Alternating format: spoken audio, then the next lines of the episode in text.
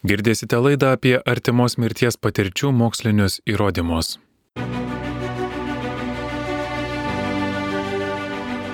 ID The Future, a podcast about evolution and intelligent design.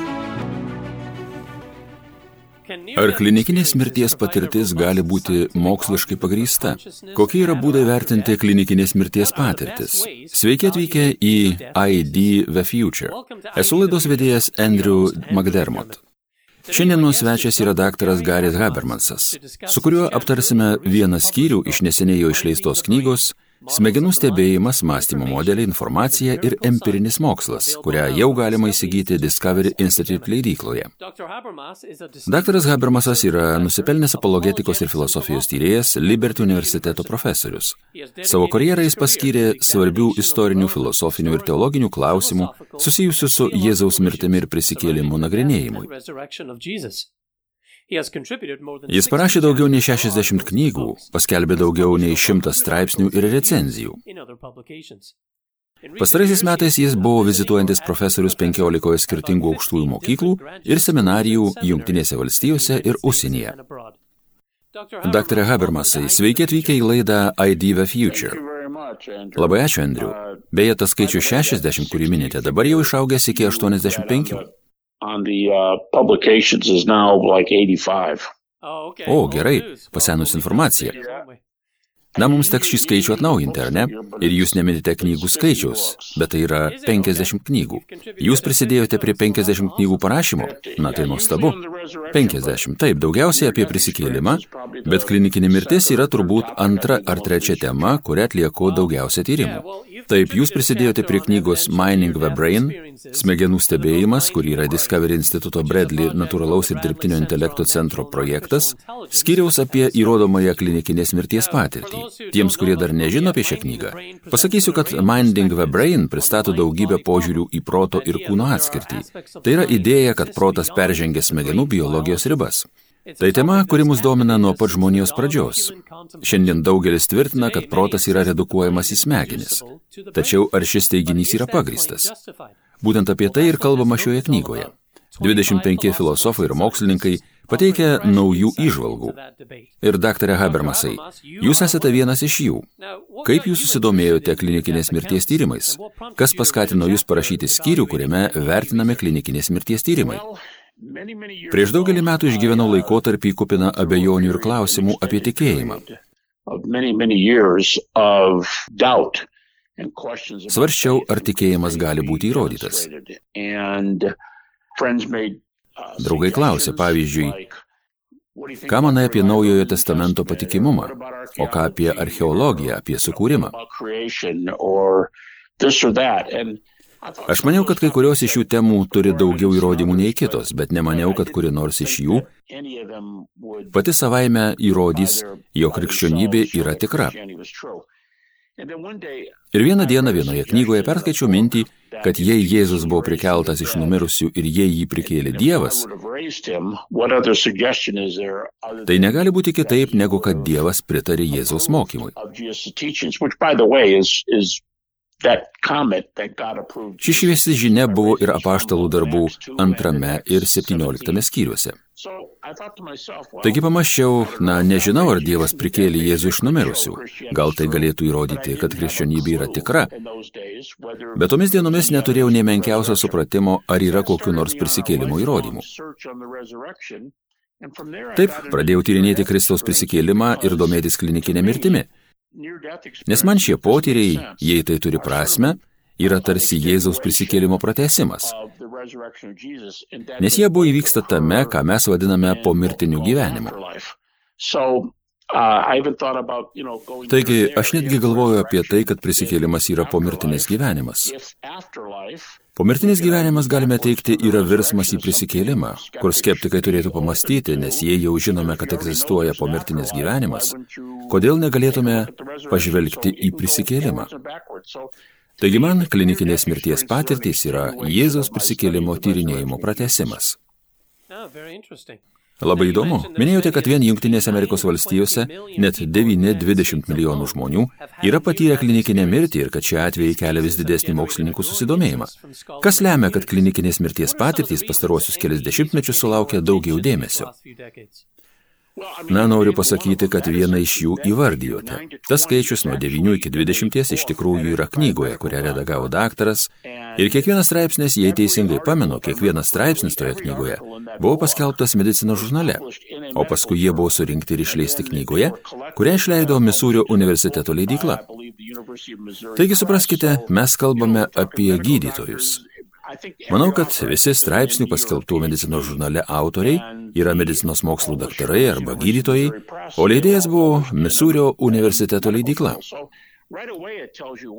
Tai jūs teigiate, kad į tai atkreipia dėmesį medicinos mokslų daktarai ir gydytojai? Taip. Gerai. O kokį skaičių nurodo? Jie nurodo nuo 9 iki 20 milijonų žmonių. Taigi tai teigia daug mokslininkų turinčių daktaro laipsnį. Nuo 9 iki 20 milijonų žmonių tai patyrė. Ir dabar yra daugiau nei 300 tyrimų. Apie tai pasakojau straipsnėje Blackwell, Oksfordo leidykloje, Anglijoje, kuri teigia esanti pirmaujanti mokslinė leidykla pasaulyje. Bet aš parengiau straipsnį, kuriame pasakojau, kad yra penkios skirtingos įrodymų kategorijos, patvirtinančios daugiau nei 300 klinikinių mirčių patirčių. Kitaip tariant, tuos 300 galima suskirstyti į penkias kategorijas. Tikriausiai tai būtų tiksliau. Ir taip, esu tikras, kad gydytojai ir mokslo daktarai tai tyria.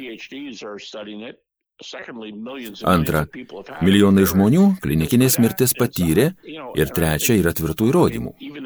Kaip sako net ateistai, daug žmonių norėtų gyventi amžinai. Taigi tai tema, apie kurią žmonės nori išgirsti. Ir kai jūs turite įrodymų, žmonės pradeda Na, vienas dalykas, kurį labai vertino, kad savo skyrių knygoje suformulavote kaip naujausių atvejų tyrimų vertinimą.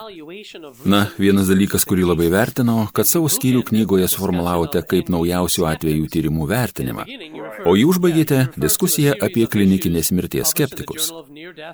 Pradžioje minite 2007 ir 2008 metų žurnale Journal of Near Death Studies klinikinės mirties studijų žurnalas publikuotų numerių seriją, kurioje pristatomas klinikinės mirties tyrinėtojas ir skeptikas Keitas Augustinas ir jo nustatytus kriterijus vadinamiems patvirtintiems veridiškiams prisiminimams. Ar galite papasakoti, kokių įrodymų pateikia ir ko ieško tokie skeptikai kaip Augustinas? Taip, su Augustinu prieš daugelį metų diskutavau tiesioginėme pasaulietinės radijos stoties eteryje, manau, Houstone. Taip, susipažinau, nežinau, kur jis dabar yra, bet prieš daugelį metų, kai kalbėjomės, malonus vaikinas, smagiai padiskutavome, manau, kad jis agnostikas. Jis pasakė keletą kriterijų. Turiu omenyje, kad mūsų kriterijai skirtingi. Aš teikiu penkias klinikinės mirties įrodymų rūšis. Turiu galvoje įrodymus iš kambario vidaus, pavyzdžiui, ligoninės palatos ir iš išorės, pavyzdžiui, palatoje buvę žmonės per klinikinę mirtį, ką nors matė automobilių stovėjimo aikštelėje, tarkim, automobilio avariją. Trečia, patyrė klinikinę mirtį aklieji. Kartais šie aklieji būna nieko nematę nuo pat gimimo. Ir vienintelis kartas, kai jie ką nors matė, yra klinikinės mirties metu, o tada jie vėl tampa akli, tačiau gali apibūdinti tai, ką matė, beveik taip, tarsi žiūrėtų į tai gyvai. Ir dar yra dvi kategorijos, kurias aš vadinu Saulėlydžio zonos tipo įrodymais, kur viena iš jų, kai gyvi žmonės, pavyzdžiui, tai gali būti slaugytoja ar gydytojas, sako, kad iš tikrųjų matė tą patį, ką ir pacientas. Pavyzdžiui, kai kurie matė garsų į tunelį. Jie pasakoja, kad kartu su pacientu leidosi tuneliu arba matė ryškę šviesą kambaryje, kur matė, kaip kažkas įeina į kambarį, kaip pro lubas sklenda šviesa ir jie tai matė. Tai ketvirtoji rūšis. O penktoji rūšis susitikimai su mirusiais artimaisiais, o tai pasitaiko labai dažnai. Bet kartais išvysta seniai mirusį žmogų, tarkime prieš trejus metus palaidotus tėvus. Ir vyksta įrodomoji diskusija. Galiu pateikti keletą pavyzdžių, kai jie pateikia tam tikrą informaciją, kurios tikėtina niekas Žemėje nežino ir ją galima patikrinti. Taigi, tos penkios kategorijos. Dabar grįžtant prie jūsų klausimo apie Augustiną, kiek pamenu, manau, kad tai aptariau tame skyriuje viduje. Manau, kad Augustino mėgstamiausia kalba apie tai, kas vyksta ligoninės palatos viduje. Gerai, man tai tinka, galima kalbėti ir apie palatos vidų, bet manau, kad įrodymai už palatos ribų yra įspūdingesni. Kambario viduje kas nors visada gali pasakyti, na, tavo klausa išnyko paskutinė, arba jie tave gaivino, kai tu nors porą sekundžių žvelgiai į kambarį.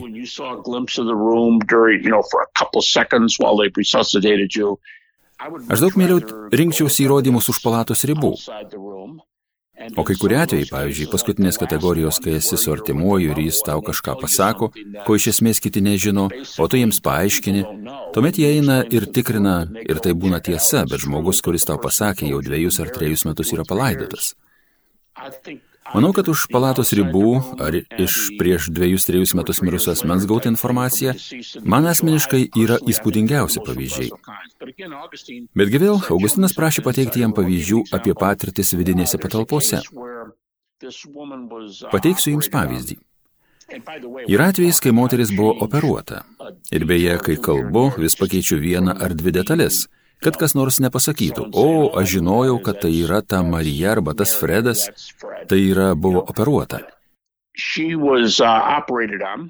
Kai operacija baigėsi, gydytojas atėjo jos apžiūrėti. Moteris paklausė, ar gydytojai turi tam tikros informacijos. Jis pasakė, taip, mes gavome tikrai patikimos informacijos,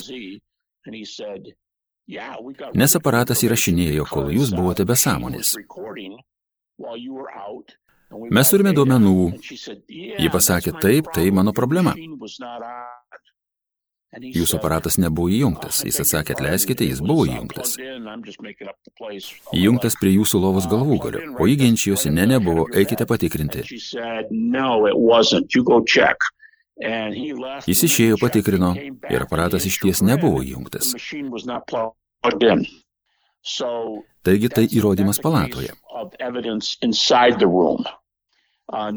Kitas garsus atvejis, kai žmogus pažvelgė į šešių ar daugiau pėdų aukščio aparato viršų ir ten pamatė numerį, kurį spėjų naudoja ligoninėje, kad sužinotų, kur tas aparatas yra, kas jį turi, kad galėtų jį pasiimti. Ten buvo 12 skaitmenų skaičius. Ir tas žmogus, kai jie atėjo, liepė slaugytojai skaičių užsirašyti ir pridūrė, kad turi obsesinį kompulsinį sutrikimą. Taigi štai šis 12 skaitmenų skaičius ten viršuje. Ir jie tiesiog paklausė, na gerai, koksgi tas 12 skaitmenų skaičius. Vėliau atėjo sargas ir po kelių dienų jie patikrino tą daiktą ant viršaus. Skaičius, kurį jis nurodė, buvo teisingas. Taigi tie skaičiai yra palatos viduje. Bet mane domina atvejai už palatos ribų. Kartais atveju ribos už patalpos prasitęsia mylę ar net dvi. Jie gali pranešti apie nelaimingą atsitikimą, apie kažkokį vyksmą jų namuose.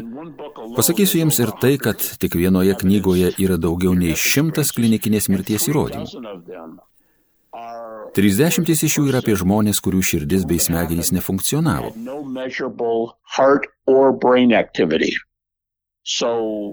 Taigi tai, ką mes šnekamoje kalboje vadintume širdies mirimu, plokščia širdies aparato linija. Taigi maždaug 30 atvejų, kai širdis ir smegenys nefunkcionavo. Esu tikras, kad dabar šis skaičius gerokai išaugęs, nes ši knyga išėjo beveik prieš 10 metų. Jie galėjo pateikti įrodymų apie tai, ką matė, pavyzdžiui, laukia, kaip patys buvo kambaryje be langų. Jie matė daiktus laukia, automobilių stovėjimo aikštelėje ir panašiai. Bet pagal turimus tyrimus jų smegenų ir širdies veikla nebuvo užfiksuota. Taigi manau, kad tokiais atvejais, kai nėra smegenų veiklos, o jūs pranešate apie kažką laukia, manoma, kad žmogus tai išsigalvoja. Bet pavyzdžiui, įvyko avarija automobilių stovėjimo aikštelėje, o jūs turite policijos ataskaitą, kurioje nurodytas laikas, kada įvyko avarija. Jei apie tai pasakė žmogus patyrė klinikinę mirtį prieš avariją ir atgyjo po jos, tai gana geras duomenų tikrumo įrodymas. Jei tuo metu nebuvo nustatyta širdies ir smegenų veikla, manau, kad čia kalbame apie gana svarius įrodymus. Ir tai nebejotinai sumažina argumentą, kad tai tik subjektyvūs vidiniai išgyvenimai. experiences only. Uh, Exactly. Taip, kai kurie pasakojimai apie klinikinę mirtį iš tiesų išsiskiria. Kai kuriuos iš jų skaičiau jūsų skyriuje. Pavyzdžiui, 1985 metais klinikinės mirties metu žmogus ant ligoninės stogo pamatė raudoną batą ir tai vėliau buvo patvirtinta. Buvo mergina vardu Kristal, kuri vos nenuskendo ir pasakojo ne tik apie apsilankymą danguje, bet ir apie tai, jog matė savo šeimą namuose. Ji galėjo papasakoti konkrečių detalių, kurios vėliau buvo patvirtintos. Ir dar yra vyras, kuris matė, ką tuo metu Floridoje už kelių valstybių nuo jo veikė jo namų prižiūrėtoje. Jis buvo tas vyriškis Milvokėje. Taip, šie pasakojimai gana įdomus. Taip, ta namų prižiūrėtoja buvo Floridoje. Yra ir kitų atvejų, kai mergina įsipainiojo plaukais į baseino nutekamą į vamzdį. Jos plaukai įsipainiojo ir gana ilgai išbuvo po vandeniu. Kai atvyko medikai, ją ilgai teko gaivinti. O paskui, žinote, iškviesti ją greitosios pagalbos automobilį, nuvežti ją iki pat ligoninės. Na šiuo vienu atveju, kiek pamenu, tai truko apie 45 minutės. Ji vėliau smulkiai aprašė, kas jai nutiko, ką jie darė. Aš savo tyrimuose turiu porą atvejų, kai žmonės buvo išvežti su greitosios pagalbos automobiliu. Ant daugelio greitosios pagalbos automobilių stogo būna didelis skaičius, kad būtų galima atsekti, pavyzdžiui, sraigtasparnių, lėktuvu.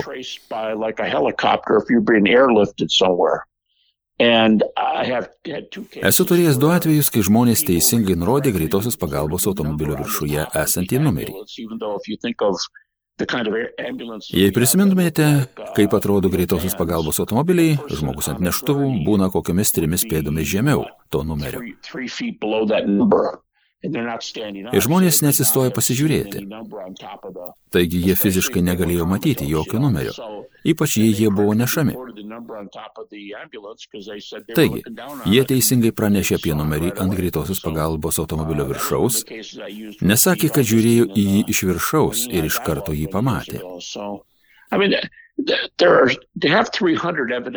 Taigi tai buvo vienas iš atvejų, apie kurį prieš daugelį metų diskutavau su Keitu Augustino dialoge. Turiu galvoje, kad yra apie 300 įrodomų atvejų.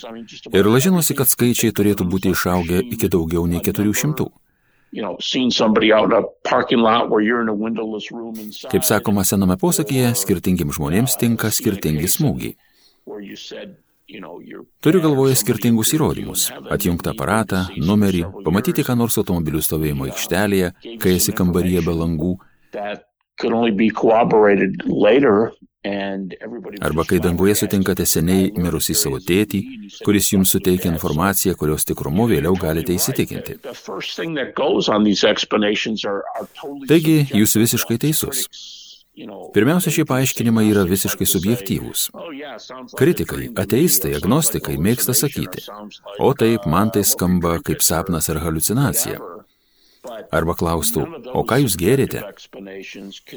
Bet ne vienas iš tų subjektyvių paaiškinimų negali paaiškinti, kaip galima iš Milvokio regėti tai, kas vyksta Floridoje.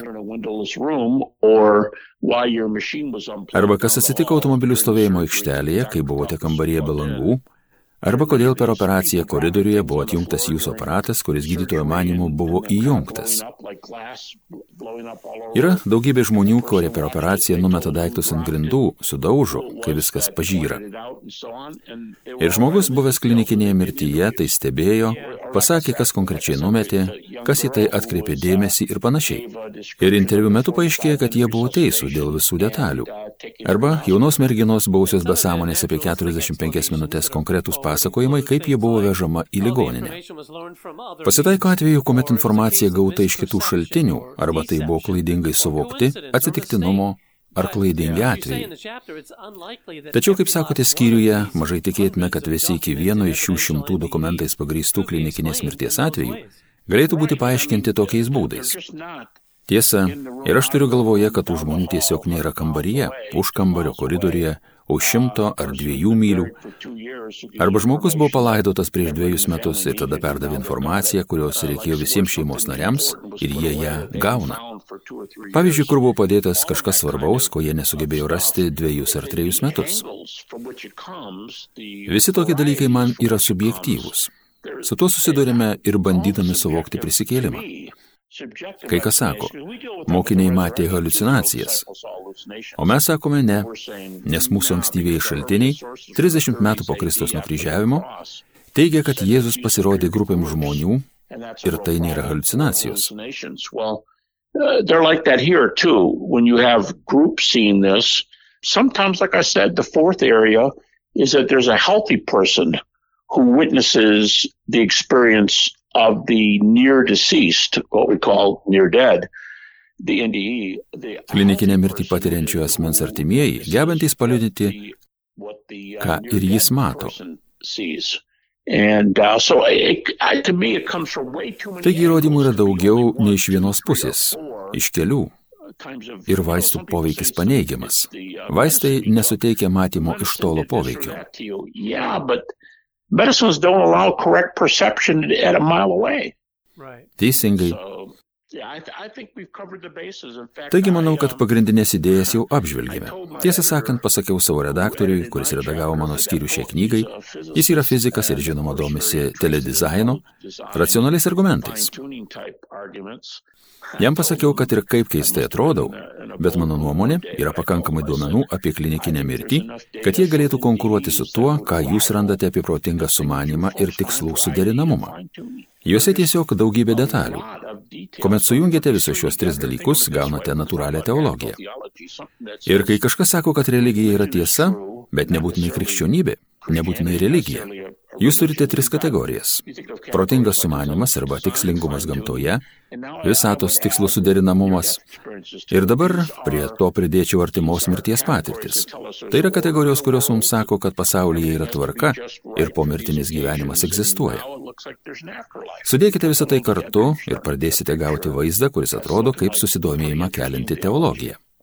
Taip, Na, vėliau savo skyriuje išskiriate tam tikrus veiksmus vykstančius šiame pasaulyje per klinikinę mirtį, kuriuos galima nepriklausomai patvirtinti, ir taip pat veiksmus vykstančius dangiškajame ir kitame pasaulyje arba karalystėje.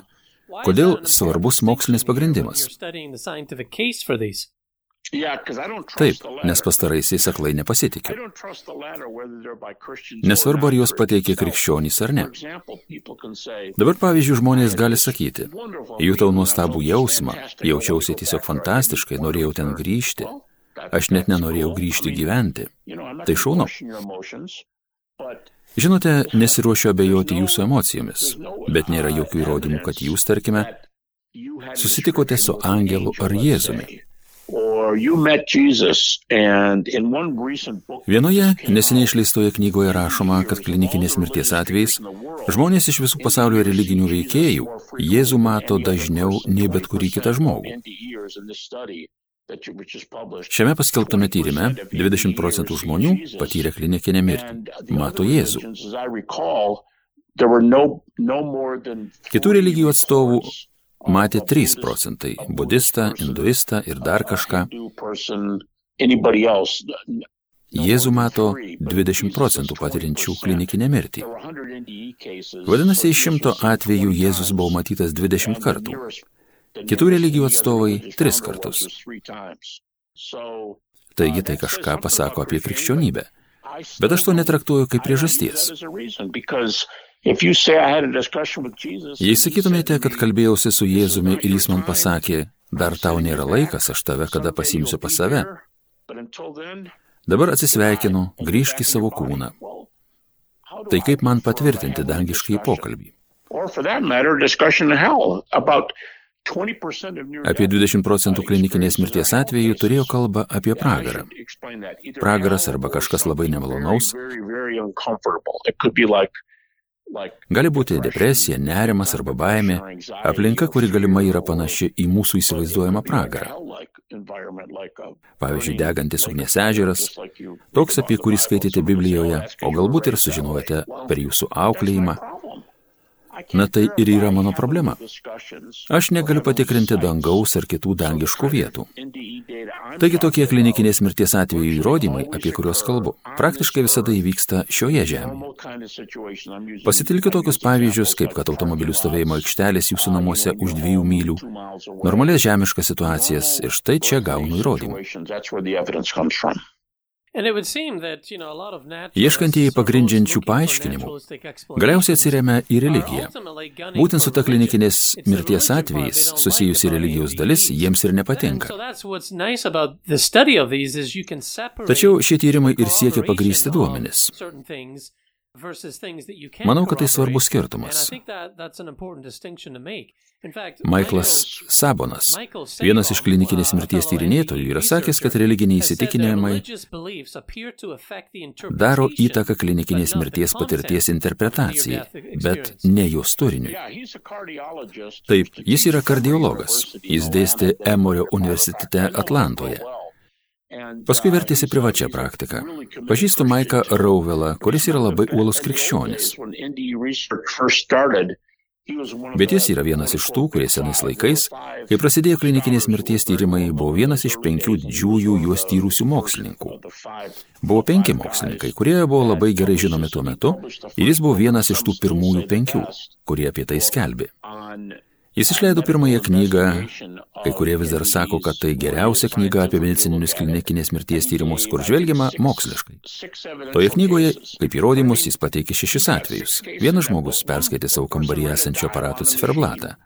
Kuomet esi be sąmonės, o tas daiktas yra tau už galvos, tu gulint lovos, veidų į viršų, o aparatas yra už tavęs, tu negali skaityti.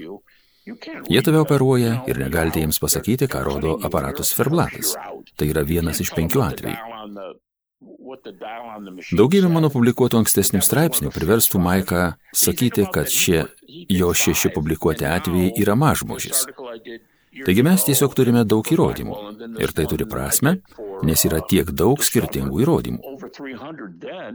Skeptikai sakytų, kad esi naivuolis, kad tiki bet kuo, kad esi emocingas. Aš esu tvirtas ir netikiu tokiais dalykais kaip tu.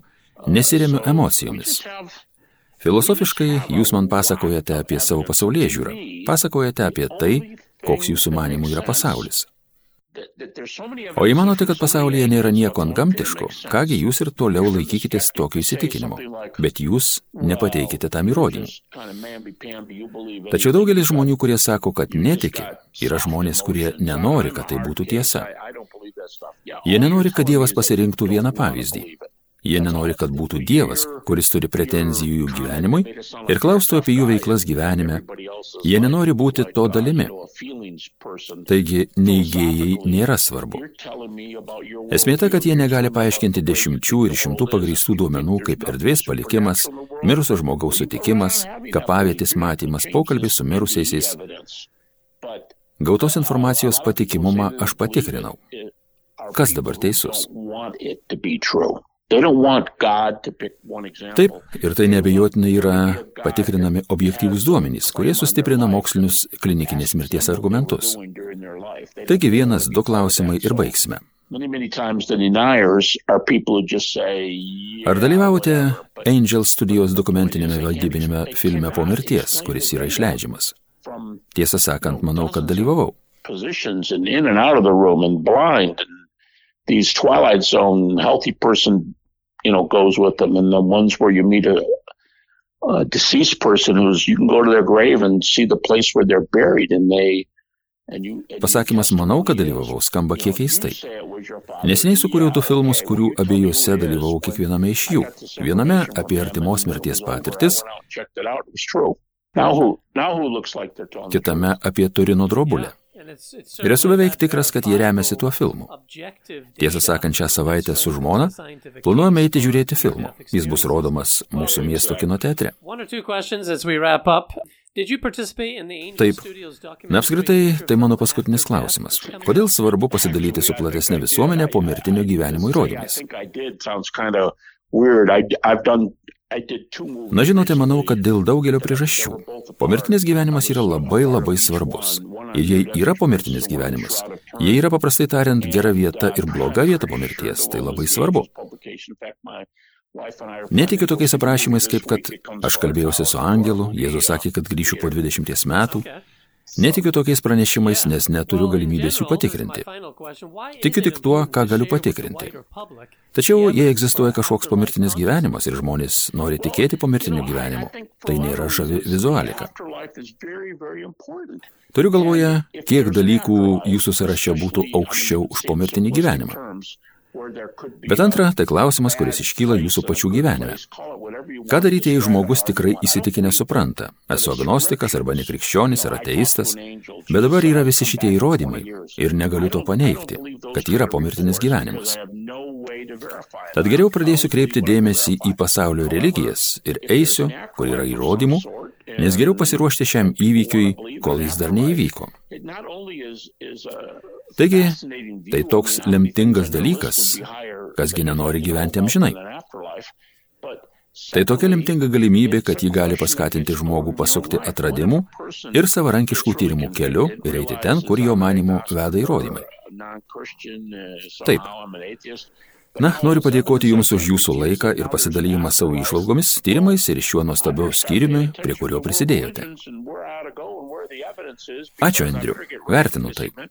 Man patinka tai daryti ir džiaugiuosi, kad jie tai padarė. Netrukus turėsiu parengti dar vieną skyrių kitai knygai. Tai yra viena Blackwell knyga. Taigi tai bus trys išsamų straipsniai. Tik vienas pavyzdys.